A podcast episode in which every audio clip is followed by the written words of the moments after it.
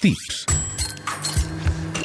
Gastronomia i cuina amb Paula Molés i Salvador García Arbós.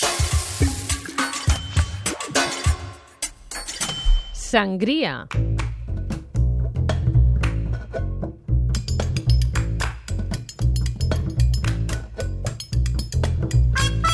Si haguérem de resumir en dues imatges la gastronomia estiuenca típica a l'Spanish, utilitzaríem l'emoticona de la paella i la de la sangria. La sangria, tal com l'entenem avui, neix quasi com una operació d'estat del franquisme el 1964, any d'inici de la Fira Mundial de Nova York. Al pavelló espanyol s'hi oferien paella i sangria. Va ser una projecció al món de dos tòpics que els guiris van trobar simpàtics i s'hi van enganxar. L'agost d'aquell mateix any entrava en vigor el menú Meiti Manolo Fraga Iribarne, el menú turístic, el de l'entrant, segon i postres. Llegiu gazpacho o entremeses variados, paella i de postre crema catalana o pijama. També s'incluïa, és clar, el mam, un quart de litre de vi, o cervesa, o aigua, o sangria.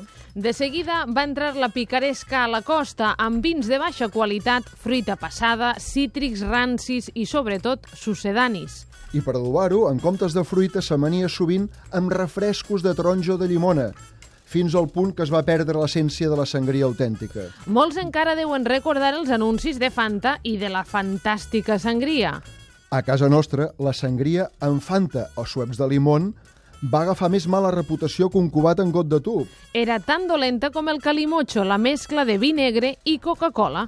Per rematar-ho, recomanaven afegir dues copes de conyac, de coentró, de benedictine o de tia Maria en una gerra amb un litre de vi negre. La fruita, que era el de menys, se resumia amb unes peles de llimona o de taronja. I vet aquí que va costar ben poc associar aquesta beguda al turisme de borratxera.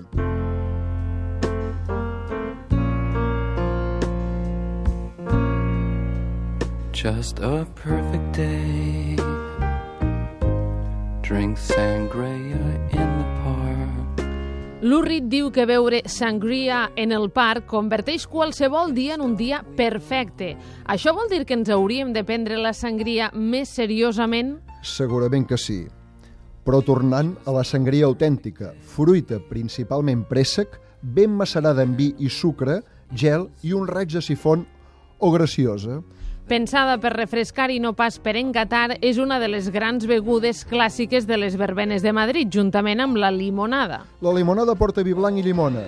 I també pot afegir-s'hi bocins petits de préssec, altres fruites o amb diferents herbes aromàtiques. La sangria, de fet, és un còctel, però no pas un fast drink. La idea és que la fruita s'amare bé amb el vi i el vi amb la fruita. Així que un cop feta la mescla, necessitarem esperar. Volem reivindicar la sangria com una beguda refrescant, aromàtica i interessant, que alegra el dia i que no et deixi amb una ressaca tot l'estiu. I per què no, també hem de reivindicar la sangria blanca amb cava o amb un vi blanc dolç fruitat. I per què no, també una versió sense alcohol. La versió escrita del Tips la podeu llegir a la revista Cuina.